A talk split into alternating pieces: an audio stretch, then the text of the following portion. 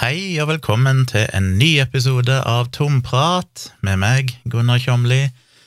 Episode 294. Da, hvis jeg klarer å gi ut eh, to episoder i uka, så bikker vi 300 i løpet av juli, midt i sommeren, hvis jeg ikke tar podkastferie. Vi får se. Ikke lenge til, iallfall. Um, jeg var jo i Oslo forrige uke. Vi kjørte inn på torsdag kveld, vel. Fredagen så tok jeg vel bilder på Brasserihansken. Jeg måtte benytte anledningen, for jeg, det er ikke så lenge siden jeg tok bilder, men egentlig skulle jeg ikke tatt bilde igjen før juli, men så skal de holde sommerstengt, og så var jeg litt ivrig på å få tatt noen bilder av uteservering. Og så var det jo meldt glitrende vær på fredagen, så jeg tenkte jeg tok kontakt av de og spurte om jeg ikke skulle komme og ta noen bilder, så det gjorde jeg. Uh, tror det ble en del bra bilder, men jeg oppdaga de, de fleste bra bildene ble fra innsida som før i kjøkkenet, men det var mye nye kokker, og sikkert desto mer søl på kjøkkenet. Så det var en del nye ansikter og litt sånn, og det er jo gøy å ta bilder. Men jeg skulle ta bilde av og dilemmaet der er jo at uh, det er vanskelig å publisere bilder der folk er identifiserbare.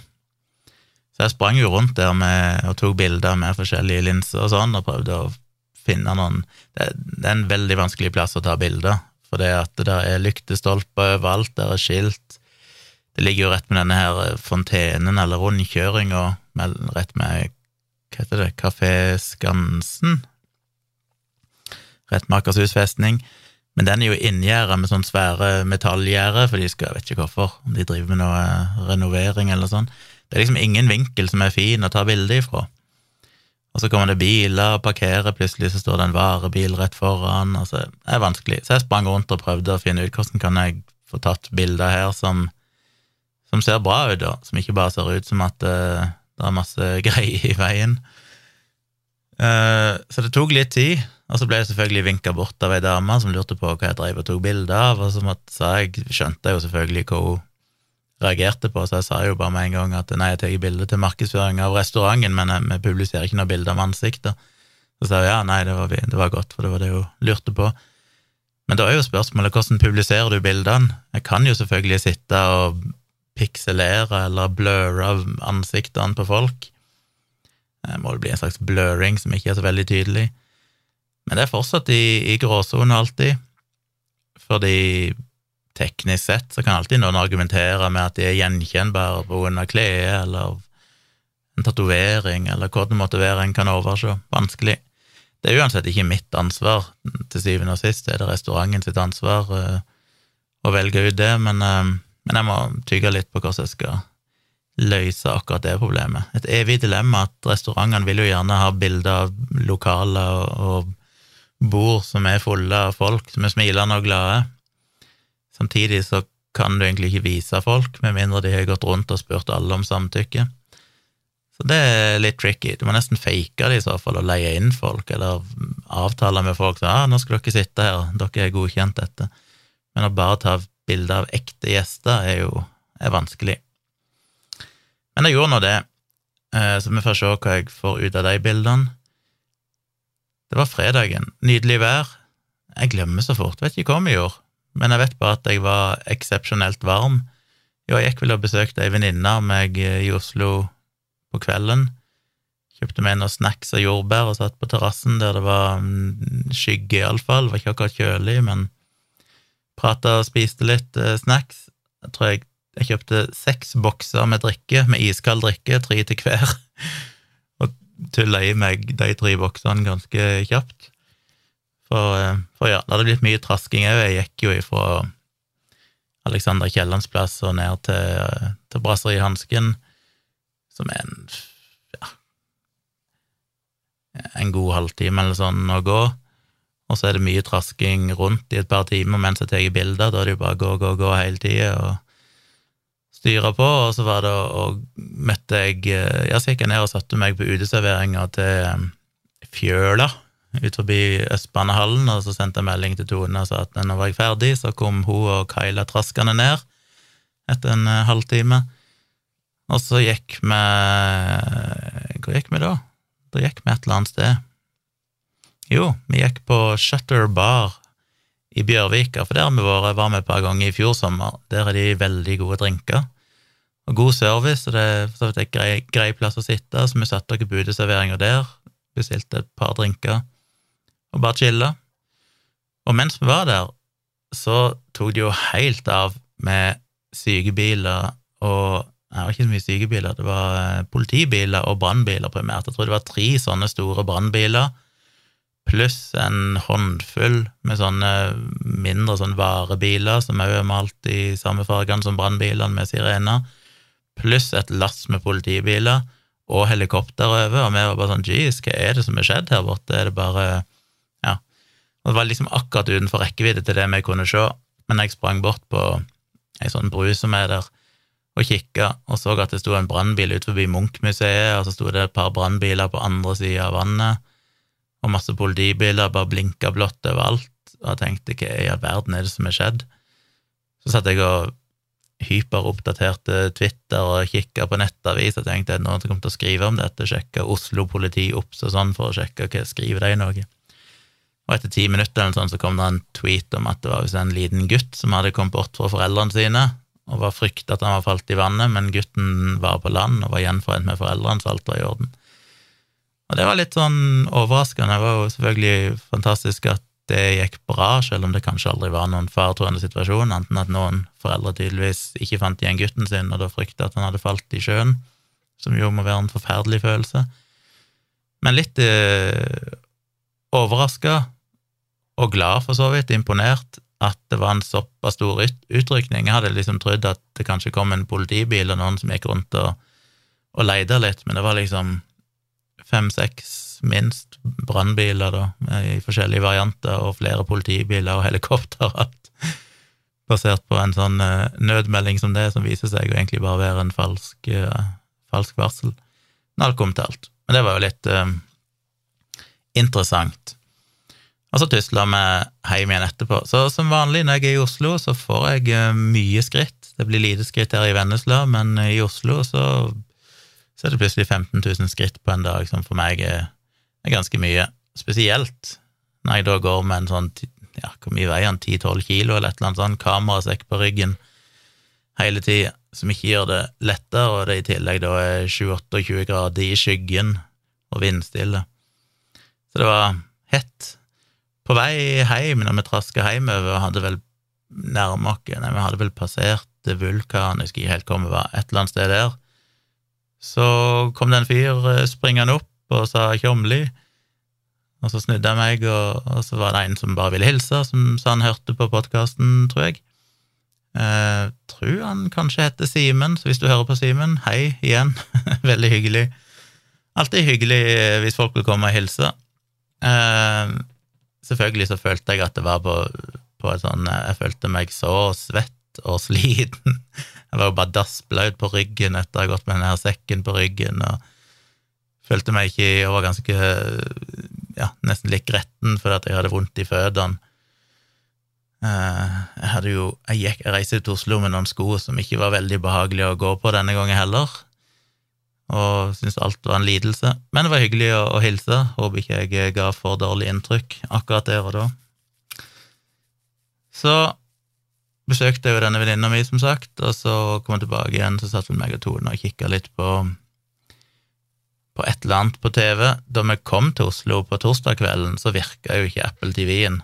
Prøvde jeg inn på YouTube og forskjellige ting, fikk bare beskjed om at det var ikke noen internettforbindelse. Prøvde å ristarte alt og sånn. Mobilene våre var på internett. Vi kobla oss jo til et, et uh, trådløst nett som eieren av den leiligheten som vi leier en bitte liten hybel i, eier. Og så fikk Ja, for jeg hadde jo fått mail et par dager tidligere der de skrev at uh, det var noe på nettverket som drog så mye trafikk. De hadde sett uh, tydeligvis spor av noen uh, adresse har sett at det var en Apple TV kobla til, så de hadde skifta passord på wifi-en, sånn at alle enhetene våre ble kobla ut. Og Det var jo for så vidt greit nok, selv om jeg syns det virka veldig rart at en Apple TV som ikke er i bruk, som er skrudd av, skulle dra mye trafikk. Det er den eneste internettilkobla dingsen på, i hele hybelen. Det er kun Apple TV-en, ingenting annet.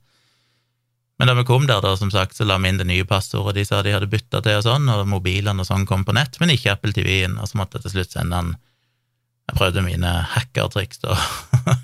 Sette manuell IP og skifte DNS-server og se i tilfelle de hadde blokkert IP-en og sånn, men de hadde tydeligvis blokkert Mac-adressen, som ikke er noe med Mac å gjøre, som i Apple Mac, men Mac-adressen det er noe som alle nettverkskort eller nettverkstilknytta enheter har, som er en sånn unik identifikator som identifiserer akkurat din fysiske dings.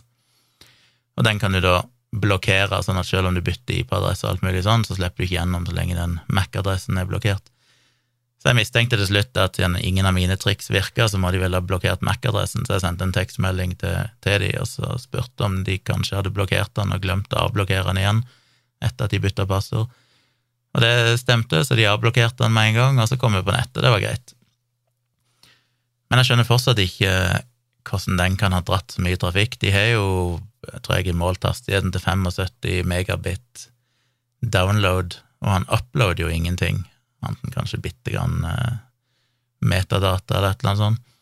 Loggdata, men det er jo mikroskopiske datamengder, så det må jo være download når de har 75 megabit hastighet. Så gudene vet. Han laster jo ned noen sånne screensavere som er ganske tunge 4K-videoer eh, i ny og ne. Laster jo kanskje ned noen oppdateringer av apper i bakgrunnen og sånn, men det er jo ikke noe som skjer kontinuerlig. Det skjer og tar kanskje et par minutter, så er det vel ferdig.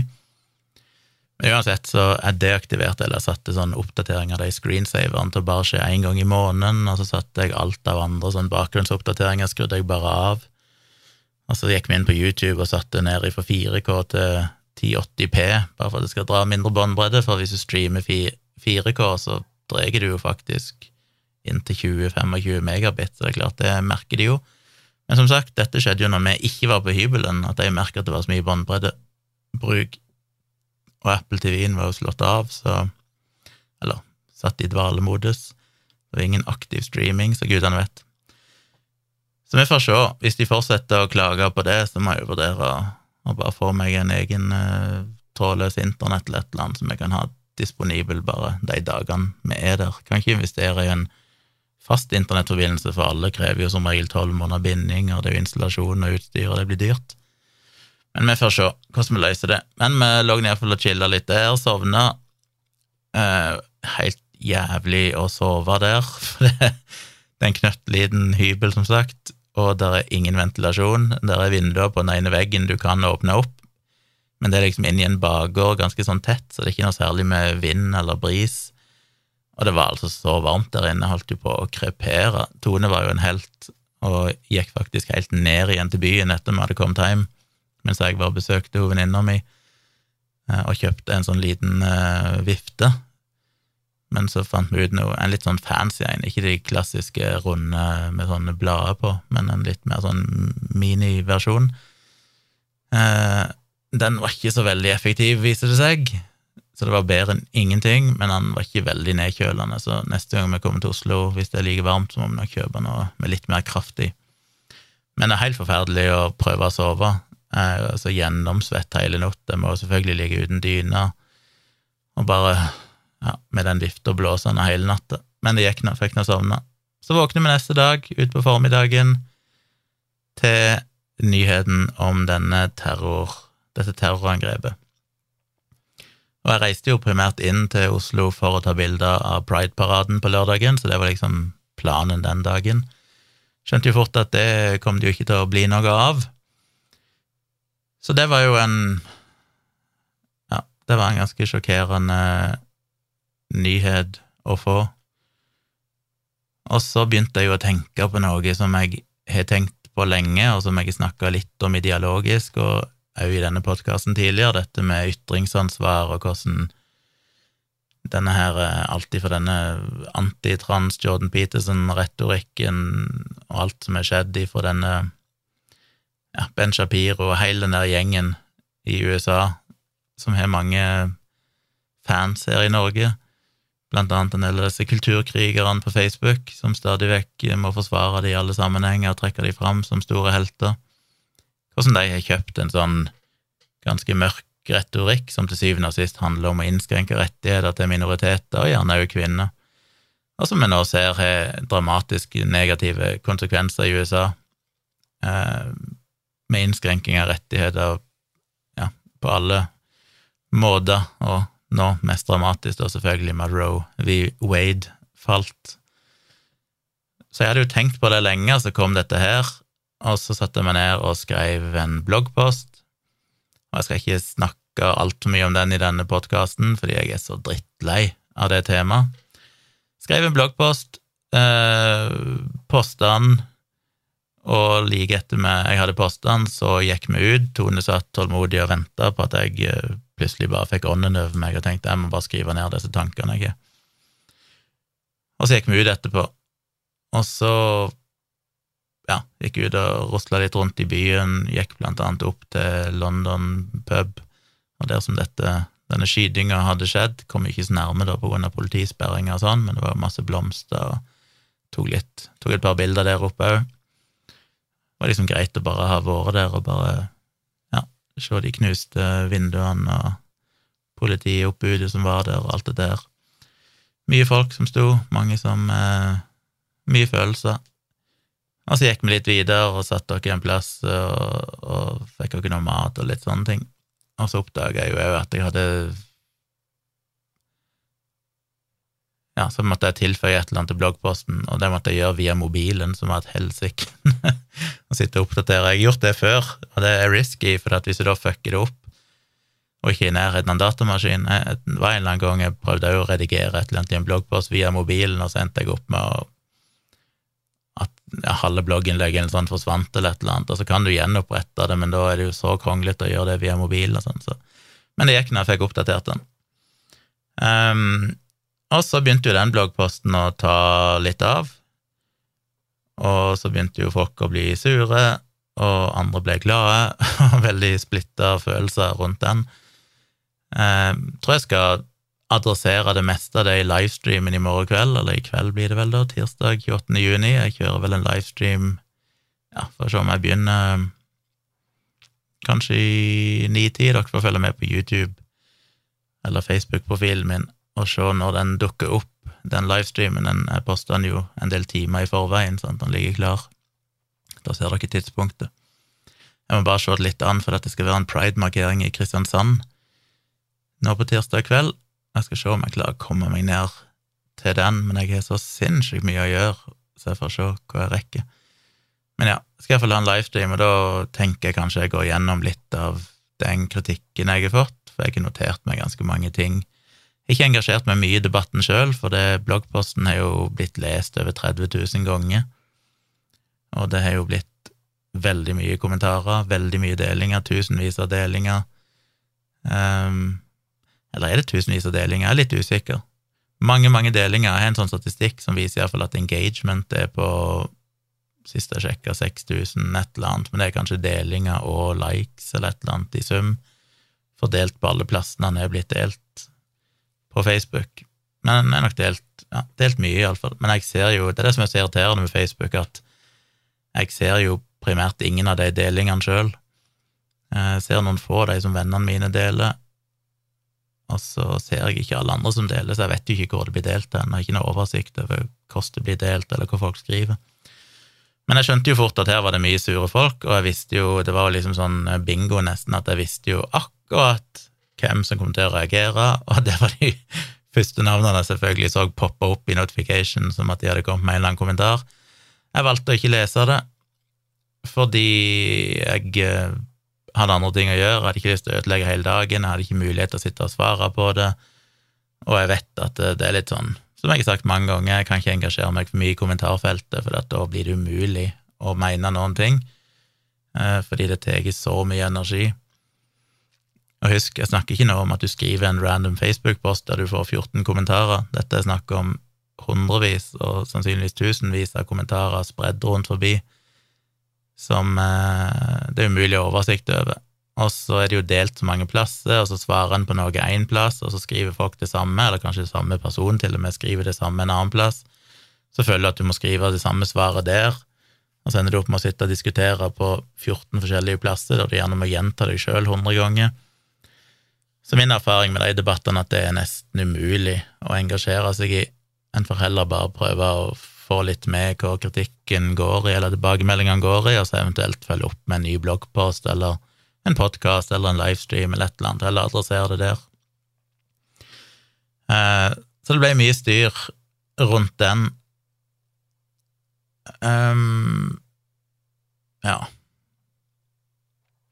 Så dukka det jo opp, bare for å ta forlengelsen av det, da, så dukka det jo opp ja, Det er jo det jeg har sagt før òg, og som jeg har en tendens til å glemme, det er jo det at hvis jeg først skriver en sånn bloggpost som får litt traction, så tar det meg ikke bare den tida det tar å skrive bloggposten, det er ikke den tida jeg investerer, jeg investerer den tida pluss sannsynligvis iallfall tre dager etterpå i både diskusjoner, selv om jeg i stor grad prøvd å ikke engasjere meg i de diskusjonene, men ikke minst at det plutselig er da journalister som ringer, og så alt mulig rart. Så Først så fikk jeg vel en henvendelse fra Morgenbladet, som sendte meg en mail med noen spørsmål som jeg har svart på.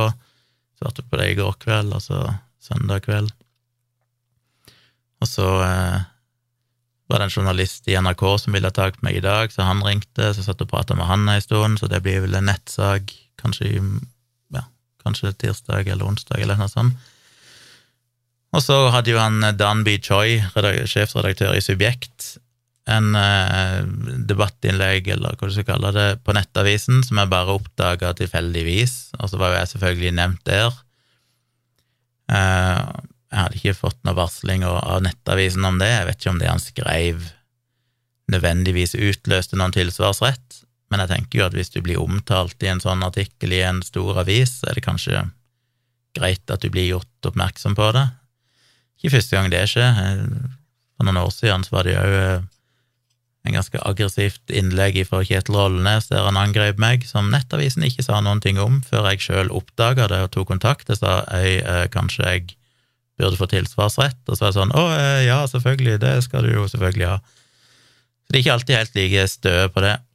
Jeg skal ikke med 100 sikkerhet si at det innlegget til Dan B. Joy nødvendigvis var av en art som utløste retten til tilsvar, men det var uansett en, en rett jeg ville benytta meg av jeg hadde ikke egentlig tenkt å skrive noe mer om dette, men når han skrev den, så fikk jeg jo inspirasjon, om du skal kalle det det, til å skrive et tilsvar. Så jeg ble sittende og, og gjøre det litt i ettermiddag. Sendte den inn til Nettavisen, og så kom han på trykk i løpet av en Eller ble publisert i løpet av en halvtime eller sånn, og det var greit. Som førte til en ny runde da med folk som ble forbanna. Uh, så det bare sånn overordna, uten å gå inn på den sånn spesifikke kritikken, så er det jo Ja, nei, jeg bør kanskje ikke begynne, for da blir jeg sittende her og snakke. Jeg får ta det heller i, i livestreamen i morgen, tror jeg. Rett og slett at jeg må Ja. Um, så følg med der hvis dere har spørsmål, innspill, eller bare vil høre hva jeg har å si om det. Den blir jo òg selvfølgelig liggende ute i opptak på YouTube-kanalen min, som ikke du har mulighet til å se det live, så kan hun alltid se opptaket når det måtte passe ved en seinere anledning.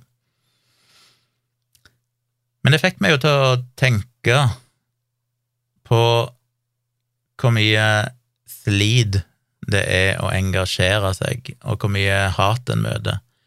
Og som jeg har sagt til flere i denne, disse par siste dagene, det er jo ikke meg det er synd på. Jeg sier ikke disse tingene for at jeg ønsker noe sympati. Eh, hvis jeg går ut med en sånn eh, bloggpostytring, så må jeg tåle kritikk, og til syvende og sist så er det jo mitt ønske om å Ikke at jeg er noen reddende engel, og ikke at noen trenger mitt innspill spesifikt, men målet er jo at jeg ønsker å ta parti med de gruppene som gjerne blir utsatt for hets i samfunnsdebatten, som jeg jo mener at transpersoner og skeive har blitt. Eh, ja, til alle tider, men kanskje spesielt nå det siste året, når den debatten har blitt veldig stor.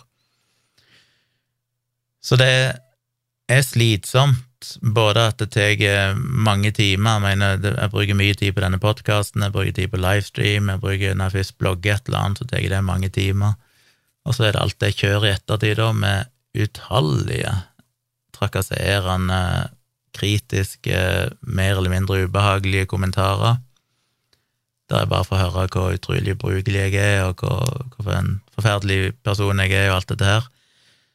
Som er helt ja, det er ikke greit, men det er ikke de tingene som plager meg mest. Det som plager meg, er, og det har jeg jo sagt mange ganger før, det er ikke det folk skriver stygge ting som egentlig er problemet, det er liksom sånn, ja, ja. Men det jeg alltid sliter med, er jo å observere misforståelser eller vrangtolkninger av det jeg har skrevet. Og så blir jeg sånn, men, men hvordan kan du lese det på den måten? Så når det kommer kommentarer ifra en prominent lege og aktiv eh, samfunnsdebattant som skriver at han nylig hadde hørt på en podkast der de snakket om Jordan Peterson, betydde det at han var terrorist? Og det er litt sånn Hvis du skal dra Hvis det er det du trekker ut av bloggposten min, så vet jeg ikke helt hvordan jeg skal forholde meg til det. Så kommer jo en av de her eh, må kunne kalle henne en TERF, en uh, trans-exclusive radical feminist, som plutselig deler uh, bloggposten min, eller tweeten min, der jeg delte bloggposten min, med en kommentar der hun skriver at ja, Hva var det hun skrev? Skal vi se, får det ordrett når jeg først er i gang. Der hun skriver Hei, tjommi, tjomli. Ser du har likt meg på Tinder, og at du bjuder på kink med deg som dom, men ser samtidig at du mener slike kvinner som meg er ansvarlig for skyteepisoden i helga, så en date er kanskje ikke så aktuelt lenger. Billettmerk turer i skog og mark. Og det er sånne ting som gjør meg deprimert, og for så vidt lei meg, fordi det, det, er to ting som er så ille med det. Det ene er at du går inn og bruker noe privat informasjon om folk i en offentlig debatt for å liksom ta de. Som jeg har sagt mange ganger før, og dere vet at flere av mine argeste kritikere som har kommet med all slags pedo-beskyldninger og sånn, har jo jeg en del info om, fordi jeg har blitt kjent med og til og med data ekser de har hatt og sånn. Jeg vet mye om deres historie, nå vet vi jo at han ene av de har endt opp i fengsel. Det har jeg visst i mange år, men det er jo aldri noe som jeg har sagt offentlig noen gang. Nå er det jo faktisk en dom da går det jo kanskje an å snakke litt om det. Men til og med nå har jo jeg vært forsiktig og ikke skrevet noe offentlig for å ta denne personen, selv om han da er, en, er fengsla for, for, vold mot uh, ekssamboer, ja, og på de mest groteske måter.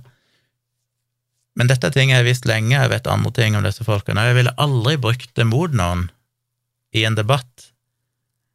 Og så kommer det noen som for det første synker til det nivået, men i tillegg da forvrenger det så til de grader.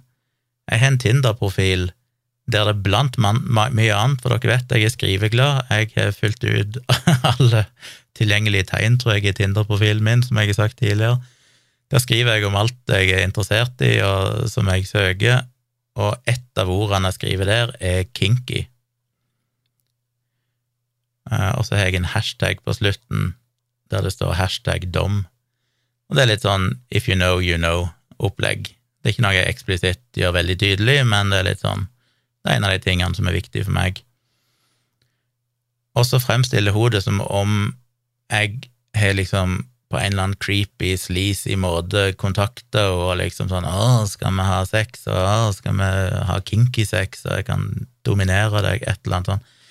I realiteten har vi aldri matcha, jeg har aldri skrevet noe. Med henne. Hun har kun sveipa forbi eller sett at hun betaler tydeligvis for noe Tinder og pluss, der hun ser at jeg er lika, og jeg aner ikke hvem denne personen er, eh, og har kikka på profilen min, gjenkjent meg, sett at de ordene sto i profilen min, og så fremstiller hun det, hun skriver ikke eksplisitt, men jeg tror mange tolker det som at jeg da på en eller annen måte har kommet med en eller annen sleazy tilnærming til henne. Og det syns jeg er så ubehagelig, og så ser jeg da alle som svarer unna, liksom sånn Oi, jeg harselerer med det, og, og tydeligvis da har jeg lest det på den måten som at jeg ja, har prøvd meg på på en eller annen måte. Og det, det er sånn ikke jeg takler. Jeg mener, folk må gjerne kalle meg alt mulig slags stygge ting, og det er sånn, ja ja, men når folk synker til den type uredelige, personlige angrepene eh, basert på noe som er helt privat, som ikke er noen ting hører hjemme i debatten å gjøre, så blir jeg deprimert. Og det, det blir jo deprimert både fordi jeg føler det er så uredelig, men òg fordi det er ingen måte en kan forsvare seg på. Hvis jeg hadde svart på den tweeten, så hadde den bare blitt mer eksponert for mange flere, så det taper jeg bare på. Jeg stoler ikke nok på denne personen, åpenbart, ut ifra det hun har skrevet, at jeg vil ta kontakt med henne privat og si du, hei, jeg syns det var urettferdig, og kanskje du kan oppklare at jeg ikke har kontakta deg. For det, det regner jeg med at denne personen er truende da til å bare forvrenge på nytt, eller legge ut en screenshot og se å, Tjomli prøver seg på et eller annet. En, eller annen forvrengning. Så det, det føles som at du kan ikke gjøre noen ting. Og så er det jo en sånn situasjon der uansett hva jeg hadde skrevet, så vil folk som ikke kjenner meg, bare tenkt at jeg prøver å roe meg vekk, eller et eller annet sånt. Så det blir bare sittende om å bare akseptere at ok, det har hun skrevet i et offentlig fora. Um, det må jeg bare leve med. Så det er liksom summen av den type ting som gjør meg deprimert, og det er slitsomt. Og da kommer jeg jo alltid til det spørsmålet Hvor mye energi skal en bruke på alt dette? Jeg har jo jeg har skrevet to bøker, jeg har snakka hundrevis på hundrevis av timer i podkaster, jeg har brukt tusenvis av timer på å skrive bloggposter. Uh, hva har en igjen for det? Ikke veldig mye, det er ikke noe penger i det. Det er jo ting jeg primært har gjort, uh, bortsett fra de reklameinntektene jeg tjente på, uh, på det Nettavisen-samarbeidet, og at jeg tjener litt på podkast nå så er det fortsatt ikke noe du kan, det er ikke noe du kan leve av. Det er en ekstra liten bonusinntekt eh, på de beste dagene. Ofte er det ingenting. Så det er jo primært frivillig, idealistisk arbeid. Og så utsetter en seg jo bare for ekstremt mye hat og kritikk og, og drittslenging. Og så sitter jeg da og ser på sånne her youtuberen som har valgt å flytte ut i skogen og bygge seg et trehus og springer rundt i naturen og skal liksom bare finne seg sjøl og Ja. Jeg blir så usikker. Hva, hva er det rette å gjøre? For av og til så er det jo veldig fristende å bare si ok, fuck alt. Jeg eh, sletter bloggen, jeg sletter alle mine sosiale mediekontoer, så skal jeg bare fokusere på å heller ha det bra i livet. Jeg vil bare ha det fint, jeg vil ha det harmonisk. Jeg, være med de folkene jeg er glad i og bryr meg om, som kjenner meg og skjønner meg. ikke det er et bedre liv? Den dagen eh, jeg døy, hva kommer jeg til å ha fått mest ut av, og kanskje hatt det beste livet jeg kunne ha mens jeg levde, eller er det det å stå på barrikadene og drive og kjempe og, slåss og, og krangle og diskutere med folk om ting jeg syns er viktig, og som jeg ønsker å gjøre, for jeg håper jeg ønsker å gjøre verden til et bedre sted, forhåpentligvis. Og det er et dilemma. Og det vet jeg jo mange andre sliter med òg. Jeg misunner jo alltid de folkene som bare ikke egentlig engasjerer seg i noen ting. De går på jobben sin, og så så gjør de ikke så mye annet. Sånn, altså, sånn viktige i gåsehud ting. De steller i hagen, og de er ute med båten og ligger og soler seg og, og koser seg. Og det er sånn jeg aldri har gjort. Jeg har liksom alltid engasjert meg i et eller annet, helt ifra ungdomsskolen, da det handler om å arrangere konserter, diskotek, eh, ungdomstiltak, drive med band, skrive musikk, prøve å gjøre ting for lokalsamfunnet hele, hele tida. Det er liksom ikke et øyeblikk ikke jeg alltid har prøvd å jobbe med et eller annet som jeg ønsker å gjøre for å, å skape tilbud, eller å ja, på en måte påvirke samfunnet. Men det koster så forbanna mye.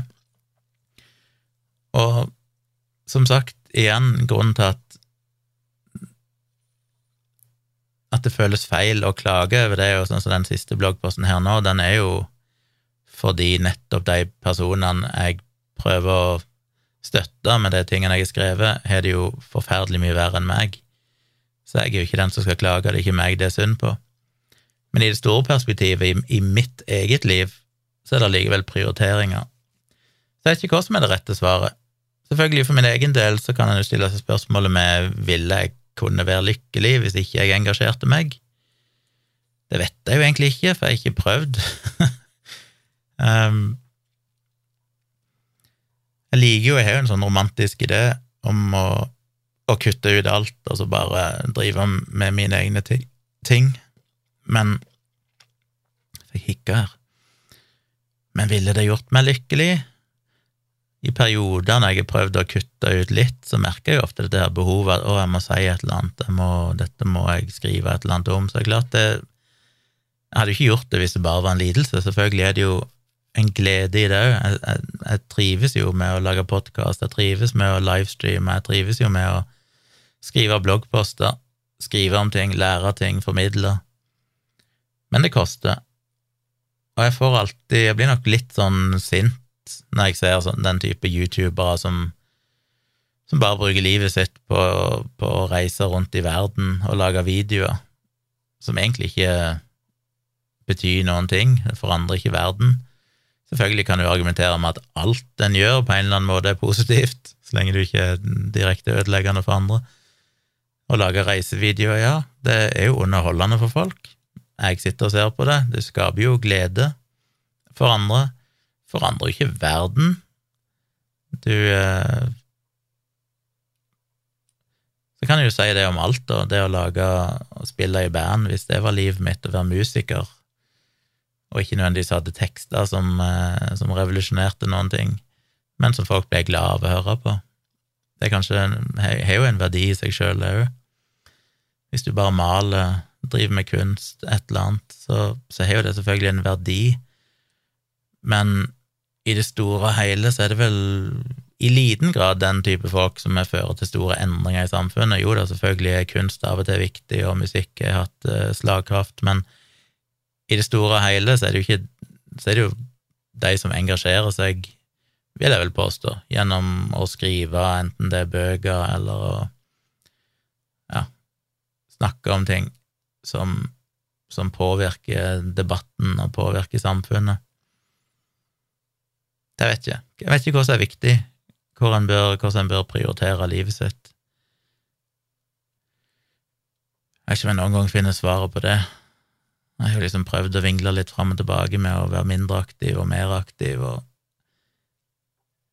og ingenting føles vel egentlig helt uh, tilfredsstillende, så Kanskje det er den gylne middelvei jeg får satse på. Og så ble jeg minnet på en annen ting, eh, og det er vel egentlig ikke relatert til noen ting av det jeg snakker om nå, men jeg bare kom på det den ene dagen, for det, det er ikke ofte du, du hører ting Altså, jeg syns jo ofte sånne visdomsgreier eller sånn life hacks eller uh, life coaches og alt dette her er jo stort sett svada og ganske banale ting. Men for et år eller to siden så så jeg en YouTube-video av en eller annen fyr, og jeg tror jeg ble liksom bare fanga av clickbait-tittel med et eller annet med liksom den, dette ene rådet som endrer livet mitt, og så tenkte jeg sånn, ja, ja, ja, la meg nå se hva det er for noe. Og så var det en, en, ganske kort video, jeg husker ikke helt videoen, men det var vel en eller annen fyr som bare snakket om at han hadde prøvd å Han hadde disse store ambisjoner for hva han ville gjøre i livet men han fikk liksom aldri til, hadde holdt på i flere år eller et eller annet med YouTube, prøve å få til YouTube og diverse ting, og følte liksom ikke han helt fikk det til, og så hadde han møtt en eller annen sånn motivasjonstaler eller et eller annet eh, på et eller annet konferanse, en eller annen fyr han så opp til, og fortalte litt om sin frustrasjon, og så hadde og så sa han ja, hadde vel fortalt at han, det var så mye han hadde lyst til å gjøre, men det tar så mye tid, og det er så vanskelig, og Skjønner ikke hvordan jeg skal ha kapasitet til å få gjort alt jeg må for å lykkes, og alt det der. Jeg husker ikke helt. Og et eller annet sånn. Og så sier han her fyren til han But what would it look like if it were easy? Altså, hvordan ville det sett ut hvis det var enkelt, det du gjorde? Og det var så banalt, men det var faktisk ganske nyttig, og jeg har faktisk brukt det noen ganger, at du har et eller annet du skal gjøre, La ikke si eh, jeg skal skrive en bloggpost, og så tenker jeg at åh, jeg vet ikke hvordan jeg skal angripe dette, det er så mye jeg må forholde meg til, det er så mye research, research jeg må gjøre, hvordan skal jeg klare å holde oversikten over alt, hvordan skal jeg få med alle de viktige poengene, det er mye jeg må skrive, et eller annet sånt. Det er en stor barriere for å liksom nå det målet som er å, å ha en ferdig bloggpost som du er fornøyd med. Og det er lett å tenke på det at dette her er jo helt uoverkommelig. Men så kan en tenke, men hvordan hadde det prosjektet sett ut hvis det var lett? Hvis du bare visualiserer, tenker deg at eh, å, det å skrive en bloggpost som er bra, det er jo ikke noe vanskelig, det er jo bare å gjøre sånn og sånn og sånn, og så bare gjør det på den måten. Bare gjør det på den enkle måten. Så funker det overraskende greit. Eh, et annet eksempel er vel det å kanskje lage en YouTube-video, som òg virker veldig omfattende, fordi du begynner å tenke at ja, men de YouTube-videoene jeg har sett på YouTube, de gjør jo sånn og sånn, og de er sånn, gjør den type redigering, de er sånn og sånn lys og utstyr, og lyden høres sånn ut, og alt dette her er jo så komplisert. Men så tenker jeg, men, hvordan ville det sett ut hvis det var enkelt? Og så tenker jeg jo, hvis, hvis jeg ville gjort det på en enkel måte, så ville jeg bare ha gjort det sånn og sånn. Ok, men så gjør det sånn og sånn, da. Gjør det på den enkle måten. Og det igjen høres så banalt ut, men det har faktisk hjulpet meg i noen situasjoner, for mitt problem er jo gjerne at jeg har en tendens til å overtenke ting, en tendens til å, legge lister for høyt, jeg vil at ting skal være altfor proft, og det ender ofte opp med at da gjør jeg det ikke, fordi det blir for vanskelig. Eller jeg prøver å gjøre det, men jeg oppdager at det her er altfor krevende, jeg mangler utstyr, eller jeg mangler ressurser, jeg mangler tid. Men igjen, hvordan ville det sett ut, hvordan ville dette, denne jobben eller dette prosjektet sett ut hvis det var enkelt å gjennomføre? Og jo, da kan du jo lett beskrive det, jo, da ville det jo bare vært å filme dette med et kamera og sånn og sånn mikrofon, og så bare Ikke sant? Og så er det sånn, ja, men gjør det sånn, da. Og så Ja. det var dagens eh, life hack fra Gunnar Tjomli. Jeg håper du kan bruke det til noe nyttig. Igjen, banalt som sånne råd ofte er, men prøv å bruke det hvis du står overfor en tilsynelatende umulig oppgave. Prøv å visualisere prosessen som du ser for deg hvis, ting, hvis dette hadde vært enkelt å gjøre, og så prøver du å bare gjøre det på den måten heller. Det siste jeg vil snakke litt om, er at jeg rett og slett skal ut og reise. Um, min jeg nevnte vel det i forrige episode, at min bror og hans eh, samboer og barn skal til Kenya i et par måneder. Reise i midten av juli og bli der til litt ut i september. Det er kanskje sju uker, vel, noe sånt. Og det har jo visst ei stund at de planla det og sånn, og nå hadde de bestilt fly og sånn sist jeg var hjemme. Men mens vi var der, så gikk det plutselig opp for meg at shit, jeg har jo snakka om at uh, jeg må komme meg til Kenya igjen. Jeg har jo lyst til at Tone skal se det, men mest av alt Maja, fordi ja, jeg har kjent Maja lenger enn Tone. Og allerede lenge før jeg møtte Tone, så tenkte jeg jo alltid at dattera mi må få oppleve Afrika en eller annen gang. Og det er jo fordi at jeg har bodd eh, to år i Tanzania og to år i Kenya, og ønsker at hun òg skal oppleve litt av hva det er for noe, få de inntrykkene, få den opplevelsen. Det blir jo selvfølgelig ikke det samme som å bo der og gå på skole der og alt mulig sånn, men, men iallfall ha besøkt det. Besøkt kontinentet, og da kanskje spesifikt eh, Øst-Afrika og Kenya. Vi hadde jo en slags liten plan om å prøve å få det til i sommeren 2020, men det var jo før pandemien, og så kom pandemien, så ble plutselig det umulig, og så var det umulig i 2021. Og nå hadde vi egentlig ikke tenkt at vi hadde råd eller mulighet å få gjort noe. Og så har jeg vært litt usikker på liksom, hvordan skal vi gjøre det, kommer det til å funke? Men når min bror skulle reise ned med sin familie, så bare plutselig slo det meg at hvis vi først skal reise, så er det jo nå vi må gjøre det. Dette hadde jeg ikke engang tenkt på sist jeg snakket om det i forrige podkastepisode, det bare kom eh, sist jeg traff eh, var hjemme på Tonstad. Og det gikk opp for meg at eh, oi, kanskje, kanskje, det er tingen å gjøre, og det virka litt sånn nei, vi kan vel ikke det, det virka litt for spontant. Men så begynte vi å sjekke litt og se litt på, eller primært jeg, da begynte å se på fly og hotell og, og aktuelle datoer og sånn, og så begynte jeg å se at ok, dette kan jo kanskje være gjennomførbart, men det var jo en del ting som måtte ordnes, og det er fortsatt mye som må ordnes. Men iallfall, eh, en av tingene, den største bøygen, var jo at mm, dattera mi må ta fri fra skolen ei ukes tid. Hun skal jo begynne i tiende klasse nå, til høsten. Og det var litt sånn usikker på hvor lett det var, så jeg måtte rett og slett ringe læreren hennes, og det var vel på siste skoledag, så han var fortsatt på jobb. Så ringte han og bare fortalte situasjonen og spurte liksom tror du det er mulig, og, og tok han ta fri. Og han var jo veldig positiv. Han var jo sånn ja, det, jeg måtte jo sende en formell søknad som jeg fant inne på nettsidene til skolen, men det regna han med bare var en ren formalitet. Han mente jo definitivt at hun ville nok få mye mer ut av å ha ei uke i Kenya enn å få med seg ei uke første, de første skoledagene. Eh, så sa jeg det at ja, hvis du har pensum og sånn, så kan jeg ta det med, og så kan jeg hjelpe henne liksom, med, med, ting der nede, men da var han òg sånn nei, nei, nei, dette høres ut som en ferie. Hvis hun først er i Kenya, så skal hun ikke drive med skolearbeid, da skal hun heller oppleve, oppleve, det fullt og helt. Så han var jo veldig forståelsesfull. Så det vi får sendt i morgen, får sendt inn den søknaden, så får vi jo håpe at det går greit, da. Det vil jeg jo anta. Eh, så det var den ene bøygen, og når den var rydda av veien, så var det jo å bestille fly, men de flyprisene endrer seg jo hele tida. Så før jeg ringte til Altså dagen før jeg ringte læreren, så hadde jeg vært inne og sjekka opp litt fly, flypriser. Jeg sjekka jo da eh, Google Flights, som, er, som, jo er genialt, akkurat det. Skrive hvor du skal ifra, hvor du skal til, aktuelle datoer og sånn, så får du opp alle flyselskaper og sånn, og du kan sortere på pris og antall mellomlandinger og alt mulig. Fant en flytur som var en del billigere enn de andre, men så så jeg at uh, returen deres var det bare fem ledige billetter. Men jeg kunne ikke bestille det, for jeg måtte ringe læreren dagen etterpå. Jeg kunne ikke bestille før jeg hadde snakka med læreren til dattera mi. Dagen etterpå fikk jeg ringt og avklart det, og så skulle jeg inn og se igjen, og da var selvfølgelig ikke den ledig lenger. Så da er jo plutselig prisen steget med 10 000 eller et eller annet på samme rute. Så da måtte jeg jo forskyve det med to uker eller noe sånt.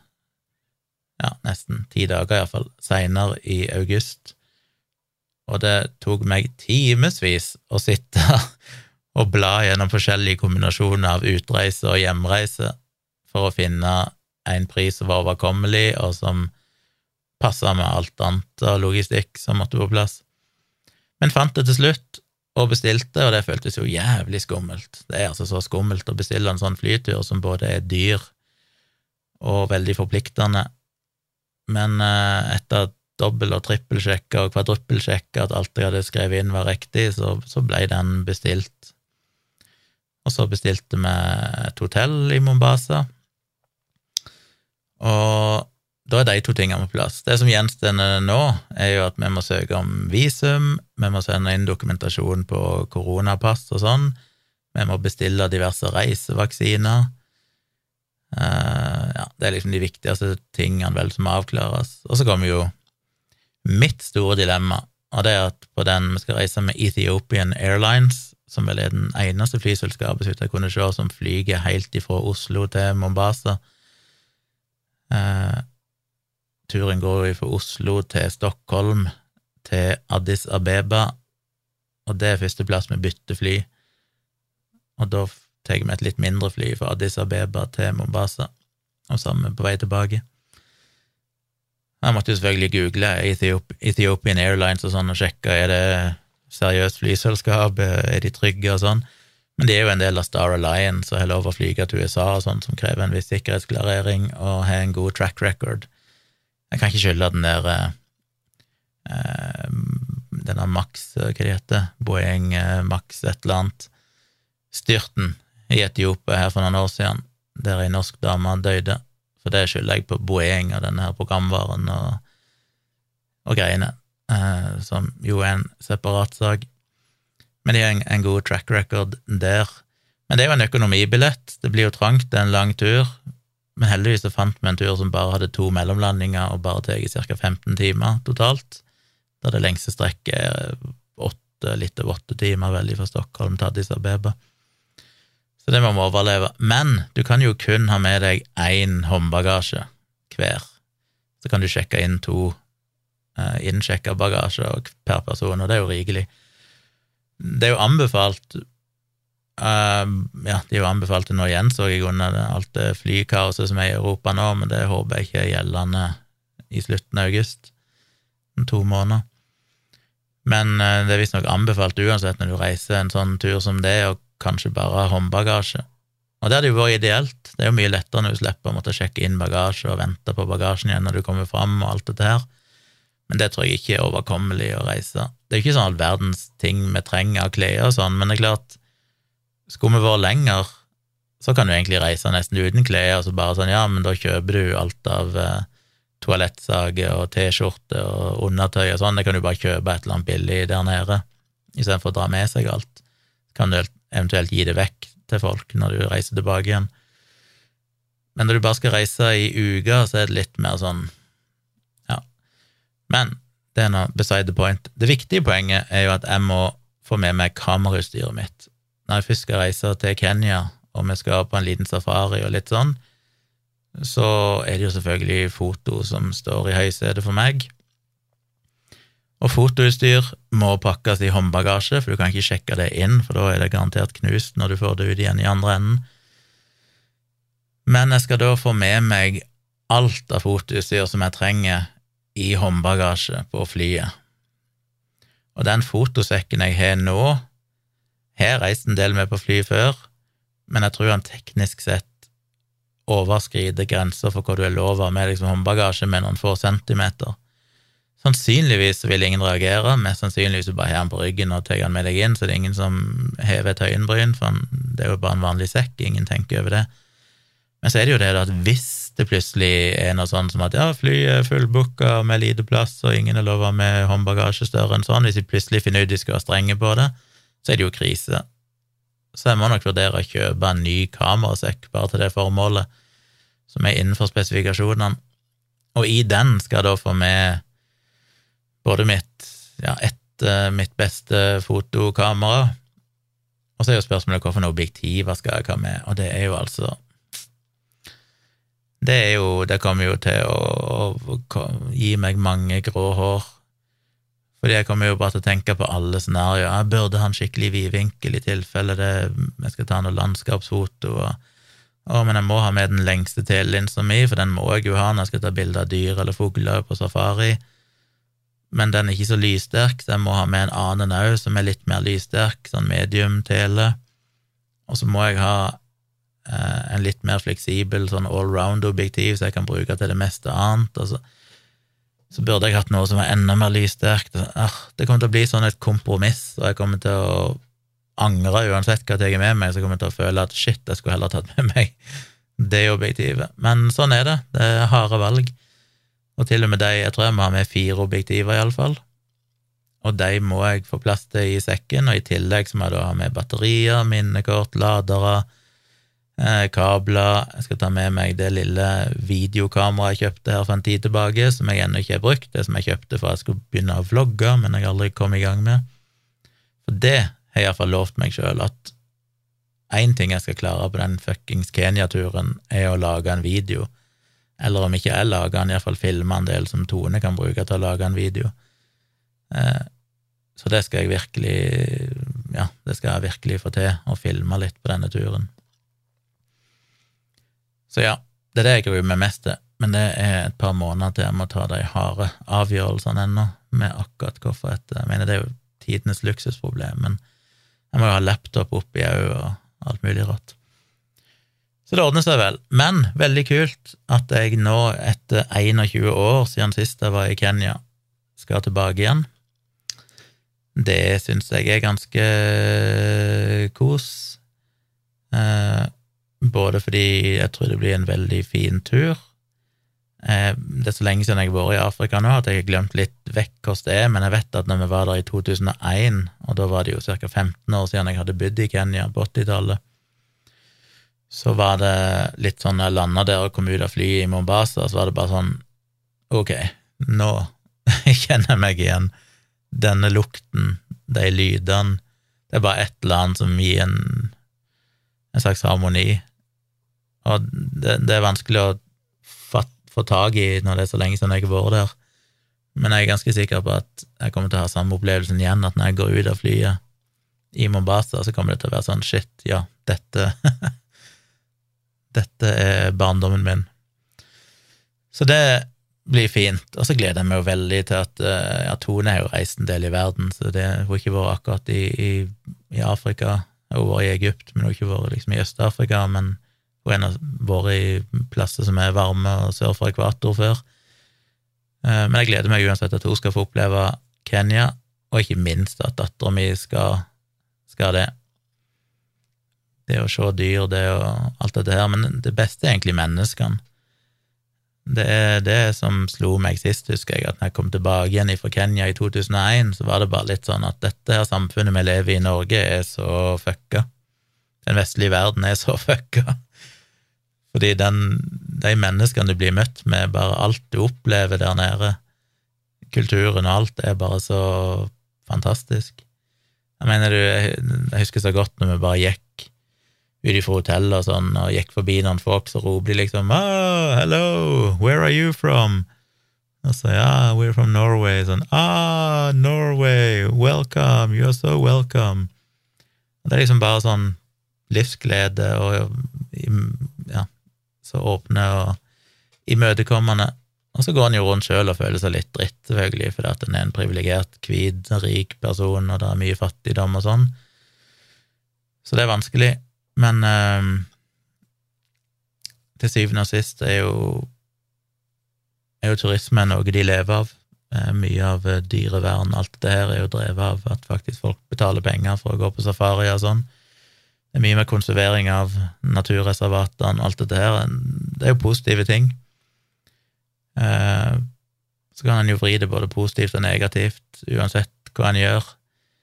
Men jeg tror, og det vet jeg jo ut ifra hvordan det forma meg som person og mitt syn på verden, det jeg har opplevd og sett fattigdom og sett eh, en helt annen kultur, sett hvordan det er i andre deler av verden, virkelig forstå hvor privilegerte vi er, har jo vært ledende for at jeg har skrevet så mye om innvandring og alt dette her, og, og har hatt det synet på å jobbe med antirasisme og sånn som jeg har.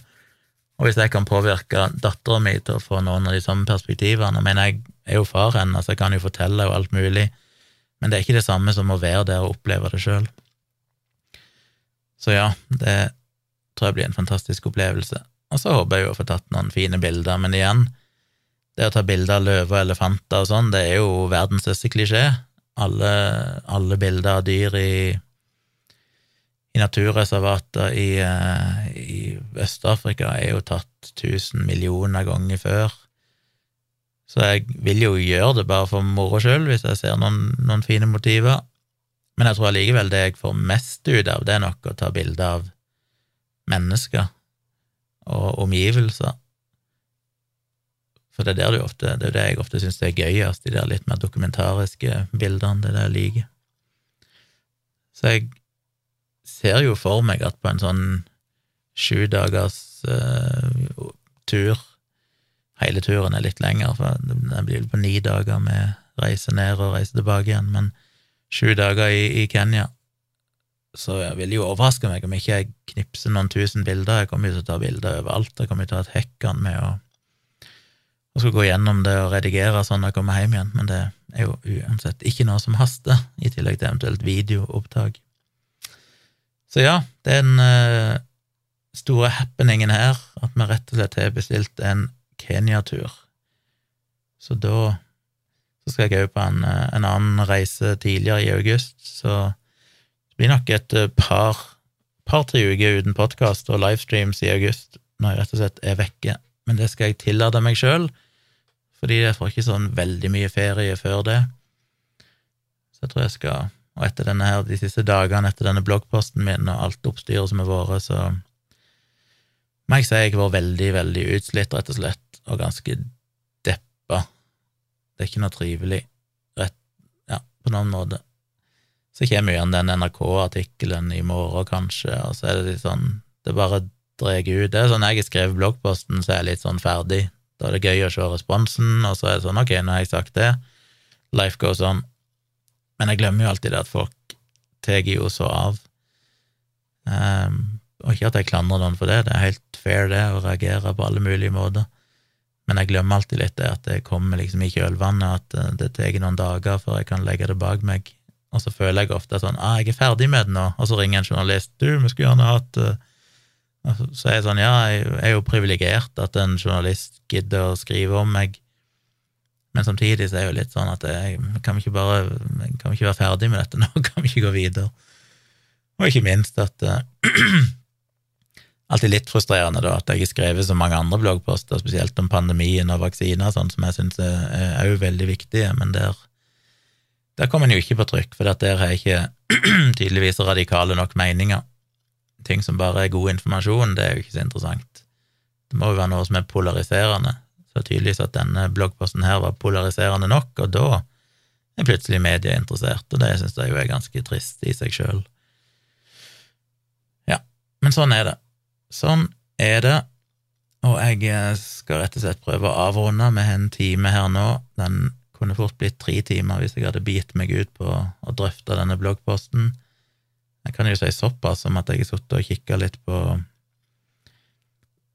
en del av utspillene og Facebook-postene til en viss samfunnsdebattant som har kritisert meg godt etter denne bloggposten, som syns det er helt absurd at jeg kan insinuere at det finnes noen sammenheng mellom ytringer han og andre har kommet med, og det at det blir begått hets og vold mot transpersoner. Og så kikker du på Facebook-veggen hans og ser på debattene der, og bare ser at det bekrefter jo 100 det jeg har skrevet, med at de moderate skriver noe som er innafor, og så kommer kommentarfeltet med de verste tingene som blir stående, ikke blir moderert vekk, ikke blir eh, imøtegått på noen selvs måte, og dermed legitimere den type hets eh, i andre kanaler. Og dette vil de ikke innse. Hvis ikke du kan trekke en direkte linje som viser at en eller annen person som har begått vold, dagen før leste eh, den og den Facebook-posten, og dermed ble eh, inspirert til å utføre vold, så skal du da aldri kunne si at noen er ansvarlige. Og det syns jeg er helt ufattelig i 2022, etter alt vi prøvde å lære etter 22. juli om ytringsansvar og de direkte koblingene mellom ytringer og hatkriminalitet, um, og ikke minst økningen i hatefulle ytringer. Det kom jo en artikkel etter at min artikkel kom på trykk i dag i Nettavisen, så kom det jo en ny artikkel der hun den uh, Hva det den ble av? Jo, med tittelen 'Ekspert roper varsk dessverre har det blitt mer vanlig at hets mot skeive blir bejublet. Blant annet ekstremistforsker Katrine Torleifsson, som går ut i dag og sier at uh, skeive som fiendebilde er ikke noe nytt, men man kan se på sosiale medier at diskusjonen rundt spesielt transpersoner har blitt veldig opphetet. Fiendebildet har alltid vært der, men det har vært en intensivering i den hatske retorikken mot skeive, og spesielt mot transpersoner med økt forakt for pride det har dessverre blitt mer vanlig at trakassering og hets mot skeive blir bejublet. Det viser at det er en lang vei å gå, sier hun. Så det er jo de harde fakta. Men av en eller annen grunn så er det mange som mener at um, dette skjer i et vakuum. Det er ingen som er ansvarlig for dette. Det er ingen som vil ta ansvar for at noe av de har skrevet, kan ha ført til at um, de har legitimert denne type retorikk. Så da står en litt stille, da. Det virker som at kritikerne av bloggposten min er veldig opptatt av at uh, det er ingen sin feil, det er ingenting vi kan gjøre, life goes on. Heller enn å prøve å se er det ting vi kan gjøre. Er det noe i måten vi ytrer oss på, er det noen sammenhenger her? I den teksten jeg hadde i Nettavisen, så hadde jeg med masse kilder, som blant annet viser til studier som så på direkte sammenhenger mellom uh, valgkampanjer utført av Trump og en dobling i hatkriminalitet i det samme området han hadde vært i tid etterpå, og sånne ting. Dette vet vi jo. Vi vet jo òg at eh, hvis ikke en modererer debatter, så fører det til mindre ytringsfrihet, fordi alle som blir ramma i de debattene, velger da å trekke seg tilbake og ikke delta i debatten, som jo er det verste tapet vi kan ha. Hvis ikke kvinner deltar i debatter, hvis ikke minoritetsgrupper deltar i debatter, hvis ikke transpersoner deltar i debatter, så har vi ikke fått mer ytringsfrihet bare fordi at eh, Espen Goffeng og Kjetil Rollnes og eh, Tonje Jevjon og alle sånne her. Nå stiller ikke de i samme klasse, da, sistnevnte er jo betydelig verre enn noen av de andre. Eh, hun er jo mer på ekstremistsida, mens de andre jeg nevnte, var eh, moderate. Men men ja, vi visste de. Det fører til mindre ytringsfrihet, ikke mer. Så jeg bare kan ikke forstå at, at det er så liten evne til selvransakelse og liten vilje til å akseptere, for det er jo det jeg er blitt kritisert for, det er den ideen om at oi, altså, vi skal ikke kunne diskutere, som jeg jo aldri har sagt. Tvert imot så er jo det eksplisitt motsatte i, i bloggposten. Men uh, ingen som vil ta ansvar. Alle mener vel tydeligvis da at vi må bare fortsette som vi har gjort, og så får det bare gå som det går med transpersonene, fordi det er visst kun ekstremister som er ansvarlige for sine egne ytringer. Det at de har gått ifra å være ekstreme, ytterliggående ytringer som du nesten aldri hørte, til å plutselig ha blitt mainstream i alle kommentarfelt, er det visst ingen som er ansvar for. Selv om jeg mener da selvfølgelig er det det. Selvfølgelig er det den normaliseringen av den type mistenkeliggjøring som gjør at det plutselig er blitt lov å skrive det. Vi så jo det samme med 22. juli, utspillet fra Frp-politikere og sånn, som plutselig legitimerte ideer om eh, å føre korstog og Eurabia-konspirasjoner og, og, alt dette her. Vi vet jo dette, men det er en del folk som ikke vil anerkjenne det, for det vil jo da implisere at ting de har skrevet, kanskje er problematisk. Så det blir litt sånn, hva skal en gjøre? Jeg er iallfall fornøyd med at jeg har sagt det. Når jeg har det, når jeg ytrer det, jeg står for det. Jeg tror vi vil se mer og mer at det er riktig. Eh, men for en del folk så krever det nok kanskje litt Det krever en del å gjøre de eh, å se de sammenhengene. Og hvis ikke en vil bruke en kalori på det, så ser en det jo selvfølgelig ikke. Men det var denne episoden. Uh, igjen, jeg kommer til å snakke mer om dette i livestreamen min. Har du spørsmål, da, så er det jo bare å fyre løs. Starter ut på kvelden en gang, altså tirsdag kveld. Vil du støtte meg, Eh, gjør det mulig for meg å fortsette å blogge mer og lage podkast og alt dette, støtt meg gjerne på patreon.com slash tjomli. Der legger jeg jo ut denne podkasten litt før alle andre får høre det, og da uten reklame. Så hvis du hater å høre reklame i podkast, så kan du også bli Patrion og få denne podkasten helt reklamefri, og litt før alle andre. Ja, jeg tror vi må runde av, det er seint på natt her, jeg må komme meg i seng. Takk så mye for at du har hørt på en time av dette bablet enda en gang til. Og eh, tips gjerne andre om podkasten min, selvfølgelig. Gå gjerne inn på eh, Spotify og Apple Podkast og sånn, og gi meg noen hyggelige stjerner eller en hyggelig kommentar. Det setter jeg pris på. Del eh, bloggpostene mine hvis du syns de er verdt å dele. Og så eh, høres vi kanskje på YouTube i morgen kveld. Vi snakkes. Good night.